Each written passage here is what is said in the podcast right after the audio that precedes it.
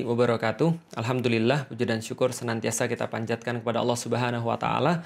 Begitupun juga salat dan salam senantiasa kita curah dan limpahkan kepada baginda Nabi besar Muhammad sallallahu alaihi wasallam.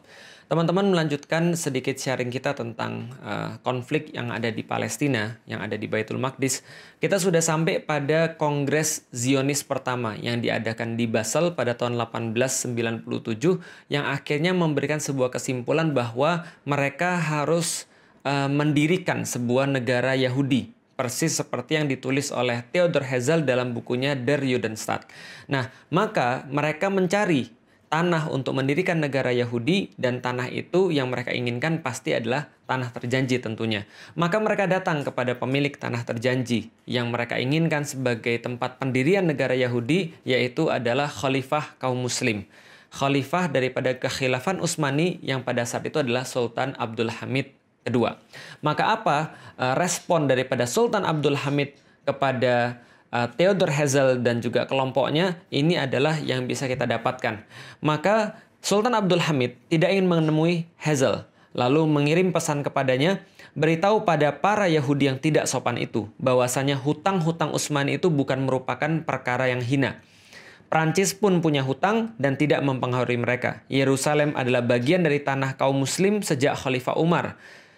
Menerima tanah itu dari Safronius dan aku tidak ingin menanggung malu dan beban sejarah dengan menjual tanah suci yang telah diamanahkan itu kepada para Yahudi, lalu mengkhianati amanah dan kepercayaan umat. Yahudi simpan saja harta mereka, sebab Utsmani tidak akan bersembunyi di balik istana-istana yang dibuat dari uang musuh-musuh Islam. Jadi teman-teman sudah tahu juga bahwa Utsmani pada saat itu berada dalam kondisi yang sangat-sangat uh, decline, menurun, hutang-hutangnya banyak dan uh, mereka tidak memiliki cash flow yang baik, maka orang-orang Yahudi itu datang dengan menawarkan uh, uang untuk mereka dan itu adalah respons daripada Sultan Abdul Hamid pada 1987.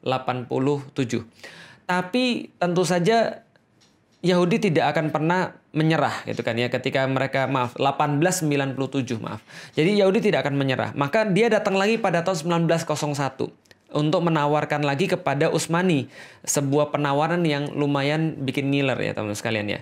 Yahudi kembali, maka mereka nggak main-main. Maka mereka menawarkan pada Sultan Abdul Hamid itu sekitar 150 juta pound sterling di masa itu. Nah, kalau sekarang itu kira-kira setara dengan 305 triliun ya, triliun rupiah eh, minimal. Lalu kemudian di, di, uh, diberikan lagi bonus kalau misalnya Sultan Abdul Hamid mau memberikan beberapa bidang tanah kepada orang-orang Yahudi untuk mendirikan negaranya itu, maka mereka memberikan bonus membangun Universitas Utsmani dan memberikan juga kapal perang kepada orang-orang Utsmani. Karena mereka sudah punya sponsor kita tahu namanya uh, Lionel Walter Rothschild atau yang dikenal dengan Sir Lord Rothschild itu. Maka kemudian Abdul Hamid berkata lagi kepada Hazel yang menawarkan eh, tawaran-tawaran itu tadi. Nasihati Dr. Hazel, jangan sekali-kali meneruskan proyek itu. Aku tidak bisa berikan tanah itu karena tanah itu bukan milikku. Tanah itu milik umat muslim yang telah berjihad dan menyiraminya dengan darah mereka. Yahudi silahkan simpan uang mereka. Lalu kemudian Abdul Hamid melanjutkan, jika khilafah Islam dimusnahkan pada satu hari, mereka boleh mengambil tanah itu tanpa bayar. Jadi kayak apa ya? Kayak sebuah sebuah kedikdayaan gitu ya, sebuah kemuliaan, sebuah izah. Jadi pokoknya selama ada khilafah, selama aku masih ada dan selama kaum muslim itu punya kekuatan, kalian nggak bakal bisa. Tapi kalau saya ini sudah nggak ada, ambil gratis aja. Seolah-olah ya Abdul Hamid mungkin nggak akan berpikir bahwa sebentar lagi khilafah itu ya tidak akan ada di muka bumi sehingga kaum muslimin tidak memiliki pelindung dan tidak memiliki perisai. Lalu kemudian beliau katakan, akan tetapi selama aku masih hidup, aku lebih rela menusukkan pedang ke dalam tubuhku daripada tanah itu dikhianati dan dipisahkan dari khilafah Islam. Aku tidak akan memulai pemisahan pemisahan tubuh kami selagi kami masih hidup. Jadi itu adalah jawaban final yang diberikan oleh Abdul Hamid kepada Federasi Zionis. Nah, setelah itu Zionis nggak pernah datang lagi. Tapi walau miswab, setelah Abdul Hamid menolak mereka itu, walau miswab, siapa yang merancang perang dunia pertama ini, tapi yang jelas setelah selesai perang dunia pertama ini, keuntungan yang didapat paling besar adalah keuntungan bagi orang-orang Yahudi. Jadi apa yang terjadi? Tahun 1914 muncul perang. Pada saat itu ada blok sekutu melawan blok sentral. Blok sekutu itu diketuai oleh Inggris dan Prancis, blok sentral itu diketuai oleh Jerman. Dan pada saat itu teman-teman sekalian, Khilafah Utsmani itu berada bareng dengan blok sentral. Loh kok bisa jadi bareng blok sentral berada sama uh, Jerman? Itulah satu misteri yang sampai sekarang uh, orang-orang juga heran. Kenapa Utsmani tidak mempertahankan netralitasnya justru malah gabung sama blok Jerman? Dan kita sudah dapat sampai sekarang bahwa ada banyak sekali intrik yang terjadi di Khilafah Utsmani pada saat itu bahwa sultan yang ada hanya sekedar sultan kayak apa ya simbol saja tapi pemerintahan itu sebenarnya dijalankan oleh satu partai yang partai itu tidak mau dikendalikan oleh sultan. Jadi berada di luar kendali sultan. Dan mereka punya satu perdana mereka punya satu menteri yang menteri ini akhirnya justru membuat kesepakatan uh, rahasia dengan Jerman ketika justru Jerman sudah mengumumkan perang terhadap uh, sekutu. Maka seolah-olah sekutu bilang ya udah kalau gitu Utsmani adalah bagian daripada sentral blok sentral. Maka Utsmani mau nggak mau harus ikut perang karena seolah-olah sudah ya memang ikut perang. Nah, itulah dalam tanda kutip ketidaksengajaan orang-orang Utsmani, khilafah Utsmani untuk ikut perang. Dan hasilnya sudah kita ketahui berakhir pada tahun 1916 di, uh, dimenangkan oleh pasukan sekutu dan saat itu seluruh uh, yang kalah itu harus menanggung pembiayaan perang dan sekaligus kerugian perang. Nah, khusus untuk Utsmani, maka wilayah-wilayahnya itu dibagi oleh Inggris dan Prancis lewat perjanjian Sykes-Picot pada tahun 1917. Sykes ini adalah seorang komandan dari Inggris, Picot ini adalah seorang komandan dari uh, Prancis. Mereka bersepakat untuk berunding dan membagi wilayah-wilayah Utsmani.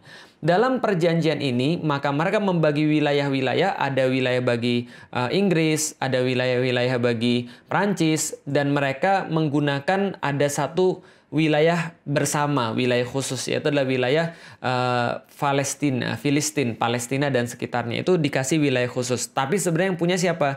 Yang punya adalah Inggris.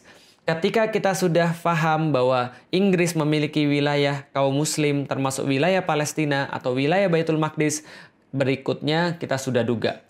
Lord Rothschild langsung nulis surat permintaan kepada pemerintah Inggris lalu direspon oleh Menteri Luar Negeri Inggris yang pada saat itu dijabat oleh Lord uh, Balfour. Jadi Arthur James Balfour.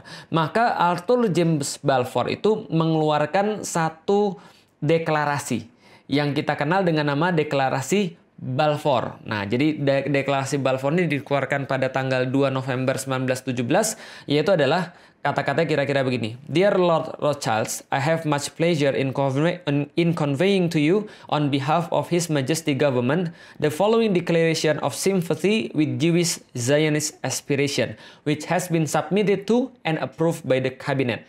His Majesty government view with favor the establishment in Palestine of a national home for the Jewish people and will use their best endeavors to facilitate the achievement of this object. It being clearly understood that nothing shall be done which may prejudice the civil and religious rights of existing non-Jewish communities in Palestine, or the rights and political status enjoyed by Jews in any other country. I should be grateful if you would bring this declaration to the knowledge of the Zionist Federation. Jadi pertama kali yang memberikan tanah itu kepada orang-orang Yahudi adalah Inggris. Dan Inggris memperkuat ini lewat diterbitkannya Mandate for Palestine. Pada tahun 1922, Inggris yang pada saat itu mengetuai Liga Bangsa-Bangsa atau League of Nations ini memberikan Mandate for Palestine untuk menjadikan legitimasi bagi orang-orang Yahudi untuk pindah ke tanah terjanji versi mereka dan mendirikan negara Yahudi. Nah, seperti yang sudah kita duga, sejak tahun 1920, 1921, 22 sampai dengan 1939, sampai dengan 1940 dan seterusnya itu puluhan ribu, bahkan ratusan ribu atau lebih besar lagi jutaan orang itu pindah untuk eh, menuju kepada tanah terjanji yaitu adalah tanah yang diberikan oleh Inggris kepada uh, orang-orang uh, Yahudi. Dan apa yang kemudian berikutnya terjadi? 29 November 1947, pasca Perang Dunia Kedua, di mana pemimpin dunia sekarang sudah berganti, awalnya adalah Inggris berganti menjadi Amerika, maka Amerika mengubah dari Liga Bangsa-Bangsa daripada League of Nations menjadi United Nation, menjadi Persekutuan Bangsa-Bangsa PBB. Maka PBB inilah yang akhirnya seolah-olah menjadi penengah untuk menyelesaikan konflik yang ada di Palestina. Mereka bilang kalau gitu kita bagi dua aja. Ini perampokan yang sangat luar biasa. Penjajahan yang di awal diamini oleh PBB adalah penjajahan atas negeri Palestina, penjajahan atas negeri Baitul Maqdis. Kenapa? Karena mereka langsung membagi wilayah menjadi dua, ada wilayah Israel yaitu ada 55% daripada tanah Palestina, sedangkan 45% diberikan kepada orang-orang Arab. Itu adalah usulan daripada PBB, namanya UN Partition. Partisi yang diberikan oleh PBB pada tahun 1947 tanggal 29 November. Nah, ini adalah satu penjajahan dan satu uh, perampokan yang besar. Melanjut, menindaklanjutin itu semuanya, orang-orang Israel kemudian mendirikan negara Yahudi. Jadi Israel Declaration uh, on a Jewish State. Jadi mereka akhirnya memenuhi apa yang mereka inginkan. Mereka bentuk Der Judenstaat pada tanggal 14 Mei 1948, di mana perdana menteri pertamanya adalah David Ben Gurion. Maka pada tanggal itu didirikan negara Yahudi, negara Israel, dan sekaligus menjadikan Palestina stateless menjadikan Palestina itu tidak punya negeri, tidak punya uh, hak sebagai manusia. Karena itulah apa pun yang mereka lakukan senantiasa pasti mereka yang salah. Kenapa? Karena mereka tidak diakui oleh hukum internasional. Yang diakui adalah Israel oleh PBB. Siapa yang memerintahkan? Amerika. Dari sini teman-teman sudah tahu bahwa siapa bapaknya Israel atau negara Israel laknatullah itu, laknatullah itu, siapa yang kemudian menjadi bapak daripada negara penjajah yang bengis itu yang menjadi bapaknya adalah Inggris. Yang menjadi ibunya siapa? Yang menjadi ibunya adalah Amerika. Lalu siapa yang menjadi bidannya? Bidannya adalah PBB. Sehingga kalau kita tahu semua itu, nggak mungkin Inggris, nggak mungkin Amerika, nggak mungkin PBB akan menguntungkan bagi orang-orang yang terjajah di Palestina. Pasti mereka akan menguntungkan anak mereka yang mereka lahirkan, yaitu Israel itu tadi. Jadi kalau berharap pada mereka ya, itu sama aja kayak Anda berharap di uh, berharap apa namanya mimpi di siang bolong kan gitu kan ya. Nah setelah itu kemudian banyak sekali kemudian uh, protes daripada orang-orang Arab pada saat itu dengan keberadaan Israel lalu diakhiri dengan perang uh, perang enam hari. Perang enam hari ini secara ajaib keroyokan daripada Syria, Irak, Yordan, Saudi, uh, Mesir itu dimenangkan oleh orang-orang Israel secara ajaib. Tapi yang terjadi sebenarnya adalah ya pengkhianatan kaum muslimin, pengkhianatan penguasa-penguasa negeri kaum muslimin. Mereka seolah-olah ingin uh, ingin mengenyahkan Israel, tapi sebenarnya mereka hanya punya kepentingan masing-masing. Pengkhianatan penguasa Mesir, pengkhianatan penguasa Yordan, dan seterusnya. Sehingga waktu itu justru orang-orang Israel mengukuhkan satu mitos bahwa mereka itu tidak pernah terkalahkan. Kaum muslimin hancur, dan kemudian seolah-olah Israel tidak tersentuh, dan menjadilah kita seperti sekarang. Nah, teman-teman bisa lihat, ini adalah wilayah pada tahun 1946. Jadi yang paling kiri itu adalah ketika PBB belum mengumumkan, uh, sorry, sebelum PBB mengumumkan berdirinya negara Israel, itu yang warna putih adalah pemukiman-pemukimannya orang-orang Israel. Lalu yang di sebelahnya adalah wilayah tahun 1947 ketika PBB mengumumkan berdirinya negara Israel. Perampokan terbesar. Lalu kemudian sebelah kanannya lagi wilayah setelah tahun 1967. Setelah perang enam hari yang direkayasa tadi dan pengkhianatan para penguasa-penguasa muslim terhadap umat muslim sendiri di seluruh dunia. Dan yang tahun yang sebelah kanan adalah tahun 2000. Setelah resolusi-resolusi PBB, perjanjian-perjanjian yang berusaha dibuat yang kayaknya menguntungkan selalu bagi orang-orang Yahudi Israel dan mereka juga senantiasa untuk mengingkarinya uh, apa namanya janji lalu berkhianat, ya kita sudah tahu seperti apa eh, kelakuan mereka dari dulu. Nah, setelah perjanjian-perjanjian damai itu, wilayah kaum muslimin semakin berkurang dan wilayah mereka terus bertambah. Itu yang terakhir tahun 2000. Tahun 2020, 2021 lebih parah lagi daripada semuanya itu. Makanya kemarin yang memicu uh, keributan adalah ketika daerah Syekh Jarrah itu kemudian diambil oleh orang-orang Israel tanpa ya dengan sekanda hati tanpa ada hukum. Ya memang nggak ada hukum di situ. Kenapa nggak ada hukum? Karena orang-orang Palestina itu nggak punya negara. Orang-orang Muslim yang ada di situ itu stateless. Mereka nggak punya negara nggak punya hukum yang bisa melindungi mereka. Maka apa pun yang mereka lakukan senantiasa salah. Nah yang pengen kita sampaikan adalah teman-teman sekalian setelah PBB itu mengumumkan berdirinya negara Israel maka pembantaian demi pembantaian dilakukan atas nama hukum dan hilangnya nyawa, meregangnya orang-orang, meregangnya nyawa orang-orang yang ada di Palestina, yang ada di Baitul Maqdis, yang mereka adalah muslim dan itu tidak dianggap sebagai kejahatan kemanusiaan. Kenapa?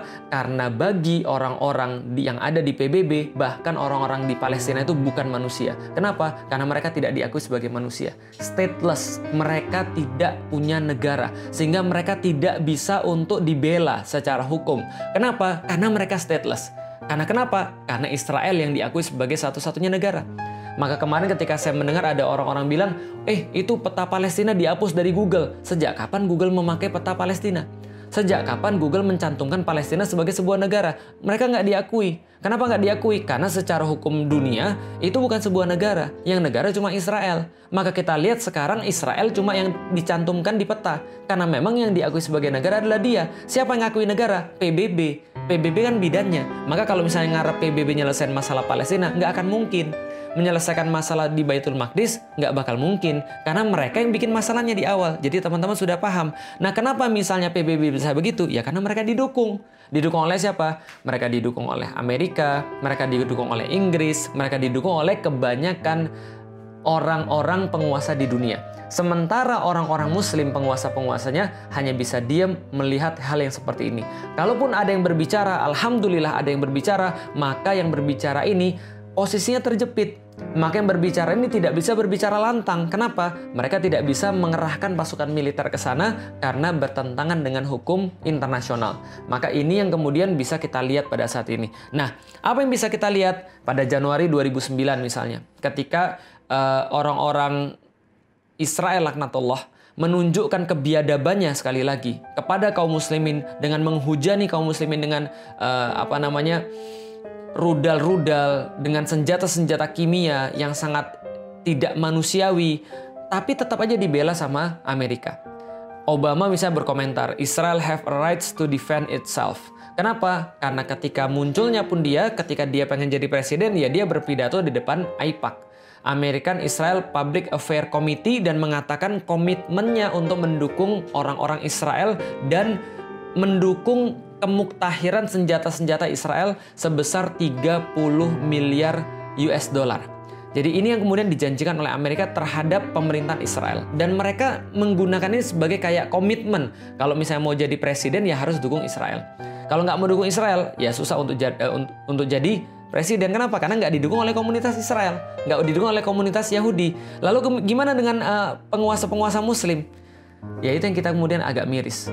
Kok bisa ada orang-orang muslim yang justru diam ketika melihat saudara-saudara muslimnya dizolimi. Dengan kata-kata itu bukan negara saya. Bahkan Mesir itu menghalangi orang-orang yang mau untuk mengungsi. Menghalangi suplai uh, air bersih dan menghalangi suplai logistik ke situ. Bahkan negeri-negeri yang lain juga nggak peduli melihat kondisi itu seolah tutup mata. Padahal mereka sama-sama orang-orang Arab. Padahal mereka sama-sama Muslim. Mereka sama-sama Qurannya sama kiblatnya sama, rasulnya sama, tapi mereka tidak bisa berbuat apa pun, bahkan cenderung diam, bahkan bekerja sama dengan penjajah-penjajah Israel ketika kaum muslimin sedang dibunuh di situ. Ini adalah sesuatu yang sangat miris sekali teman-teman sekalian. Nah, maka apa yang bisa kita lakukan teman-teman sekalian? Ketika kita melihat semua ini ya nggak ada yang bisa kita lakukan. Yang bisa kita lakukan ya sesuatu yang tidak esensial seperti berdoa dan berdonasi, mungkin sharing tentang perkara-perkara kayak gini. Nggak ada yang bisa kita lakukan lebih daripada itu. Kenapa? Karena kalau teman-teman nyimak dari awal, kita jadi tahu permasalahan kaum muslimin adalah karena mereka tidak bersatu. Karena mereka tidak bersatu, mereka tidak punya kekuatan. Kenapa mereka tidak punya kekuatan? Mereka tidak punya kepemimpinan. Maka yang bisa menyelesaikan permasalahan Palestina, permasalahan Baitul Maqdis adalah ketika kaum muslimin itu bersatu dan mereka punya kepemimpinan sehingga mereka terorganisir dengan kekuatan mereka. Itu yang terjadi pada masa-masa yang lalu ketika orang-orang Yahudi tidak bisa berbuat apa pun. Mereka tidak bisa untuk menyerang kaum muslimin. Mereka tidak bisa untuk menakut-nakuti kaum muslimin. Mereka tidak bisa untuk berbuat seenaknya ketika kaum muslimin masih punya kekuatan pada masa lalu dibawa ke khilafan Utsmani tadi itu. Maka tidak ada yang bisa menyentuh Baitul Maqdis. Kenapa? Karena kaum muslimin akan membela dengan darah mereka. Kaum muslimin akan membela kehormatan negeri mereka dengan seluruh kekuatan yang mereka punya. Tapi sekarang ketika itu tidak ada, maka kita tidak bisa berbuat apa pun. Karena kita tidak punya kekuatan, kita tidak punya persatuan. Lalu gimana caranya? mengacu pada Rasulullah Shallallahu Alaihi Wasallam, maka yang pertama adalah kita harus berjihad secara ilmu. Pahami tentang Baitul Maqdis, ngerti tentang Baitul Maqdis, pahami tentang Palestina. Apa yang harus kita perjuangkan sebenarnya? Perjuangan apa yang tidak uh, tidak uh, tidak tidak akan punya buah. Perjuangan mana yang dilakukan oleh Rasulullah Shallallahu Alaihi Wasallam. Misal, kalau orang nggak ngerti teman-teman sekalian terhadap uh, masalah ini, maka dia akan bilang, oke okay, kalau gitu kita akan minta agar kita kembali pada daerah 1947 yaitu adalah ketika PBB membagi dua wilayah ini, yaitu adalah wilayah Israel 55% dan wilayah kaum muslim 45%. Ini salah. Karena mereka nggak ngerti. Kok malah diperjuangkannya adalah wilayah ketika terjadi perampokan. Kayak kita ada orang tiba-tiba masuk rumah kita, lalu dia bilang, saya bawa surat dari RT. Bahwa mulai dari hari ini RT bilang bahwa rumah ini kita harus bagi dua. Kamu tinggal di WC dan di dapur, saya ambil selain itu. Emang kita terima kalau kayak gitu? Ini kan perampokan. Ini kan penjajahan. Kok kita malah terima yang kayak gitu? Kok malah kaum muslimin menyerunya pada wilayah 1947? Kita nggak mau. Kita nggak mau wilayah 1947. Kita nggak mau wilayah 4, uh, 19 uh, 1967, apalagi setelah uh, perang enam hari, kita nggak mau wilayah yang sekarang dan bahkan kita nggak mau wilayah sebelum uh, UN mengatakan partisi itu adalah wilayah tahun 1946. Kita juga nggak mau. Yang kita mau apa? Itu adalah wilayah kaum muslimin. Penjajah harusnya dienyahkan. Orang yang merampok harusnya nggak boleh di situ. Ini adalah solusi sebenarnya. Maka solusi terhadap penjajahan ya berarti dibebaskan. Sebagaimana Umar bin Khattab membebaskan Baitul Maqdis sebagaimana Salahuddin Al-Ayyubi membebaskan Baitul Maqdis. Jadi penjajah itu bukan negosiasi. Tapi penjajah itu harusnya diusir. Sebagaimana penjajah Belanda itu diusir dari Nusantara. Bukan bernegosiasi gitu loh maksudnya. Nah maka kita harus kemudian yang pertama adalah jihad ilmu. Dan Rasulullah Shallallahu Alaihi Wasallam mencontohkan bahwa ini dilakukan sepanjang 14 tahun. Setelah itu Rasulullah melakukan jihad negosiasi atau jihad politik yang dilakukan oleh Rasulullah sebanyak sepanjang dua tahun, mengirimkan uh, surat-surat, bernegosiasi dengan uh, dengan penguasa-penguasa yang ada di Baitul Maqdis dan seterusnya. Lalu setelah itu baru Rasulullah menempuh jihad militer yang berakhir dengan uh, pembebasan Baitul Maqdis di zamannya Umar bin Khattab pada tahun 638 Masehi. Inilah kemudian yang menjadi sebuah pengetahuan bagi kita yang pengen saya sharing teman-teman sekalian. Jadi teman-teman sekarang ngerti kenapa sih uh, Palestina itu bermasalah atau lebih tepatnya istilahnya adalah Baitul Maqdis itu bermasalah. Lalu apa yang bisa kita lakukan untuk menyelesaikan problem Baitul Maqdis secara long term, secara permanen, yaitu adalah membangun kekuatan itu dan membangun persatuan itu dan membangun kepemimpinan itu. Lalu apa yang bisa kita lakukan sekarang? Nggak ada yang lain selain doa, donasi, dan share pengetahuan-pengetahuan tentang Baitul Maqdis agar kita tidak menjadi orang-orang yang memperhatikan Baitul Maqdis hanya ketika mereka menangis dan berteriak ketika mereka dibom, dihujani dengan peluru ataupun dibunuh di depan mata kita. Sehari lagi kita menunda kebangkitan Islam. Sama seperti sehari lagi kita memberikan waktu bagi penjajah Zionis biadab itu untuk membunuh saudara-saudara kita yang ada di Palestina. Karena itulah teman-teman sekalian, ini yang bisa kita lakukan. Berdoa, berdonasi, dan sharing pengetahuan-pengetahuan yang ada di kita semuanya. Dan Allah subhanahu wa ta'ala mungkin pada tahun ini memberikan kita sebuah pelajaran yang sangat berarti agar kita tuh noleh kepada mereka di tengah-tengah kesibukan kita itikaf menikmati sajian-sajian Ramadan tapi Allah bilang lihat loh ada saudara-saudara kalian itu yang saudara-saudara kalian itu tertindas yang saudara-saudara kalian itu terjajah mudah bagi Allah untuk membebaskan mereka tapi bukan itu ceritanya. Ceritanya adalah bahwa Allah memberikan kesempatan pada kita untuk muncul kesatria-kesatria di antara kita. Memperhatikan mereka. Senantiasa mengisi hati kita dengan Baitul Maqdis, kiblat pertama kita supaya besok-besok ketika diperlukan kemudian perjuangan-perjuangan yang lebih besar, maka kita sudah siap dengan ilmu-ilmu dan sakofah kita tentang Baitul Maqdis. Artinya teman-teman sekalian, kalau memang kita merasa sedih, kalau memang kita merasa marah, kalau memang hati kita tercabik-cabik, kita bisa menggunakan apa pun yang kita punya. Kalau kita nggak bisa donasi, minimal kita berdoa.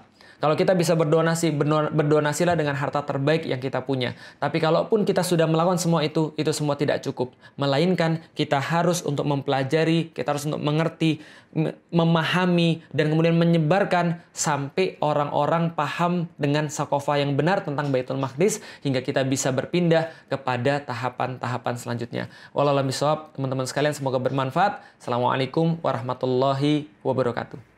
Assalamualaikum warahmatullahi wabarakatuh. Saya masuk Islam pada tahun 2002 karena pertanyaan kenapa.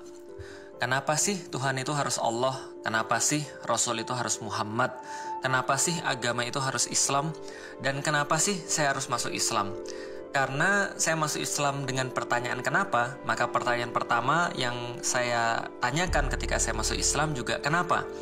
Kenapa sih Islam yang begitu hebat yang saya temukan ini, Islam yang begitu indah yang saya temukan ini, ternyata pada kejadiannya, pada faktanya tidak seperti teorinya. Islam yang sangat hebat, sempurna, paripurna, tidak ada tandingan, tapi ternyata pada kenyataannya kaum muslimin di mana-mana terpuruk, kaum muslimin di mana-mana terjajah, sangat mudah sekali diprovokasi. Mereka punya mental yang buruk, mereka punya skill individu yang tidak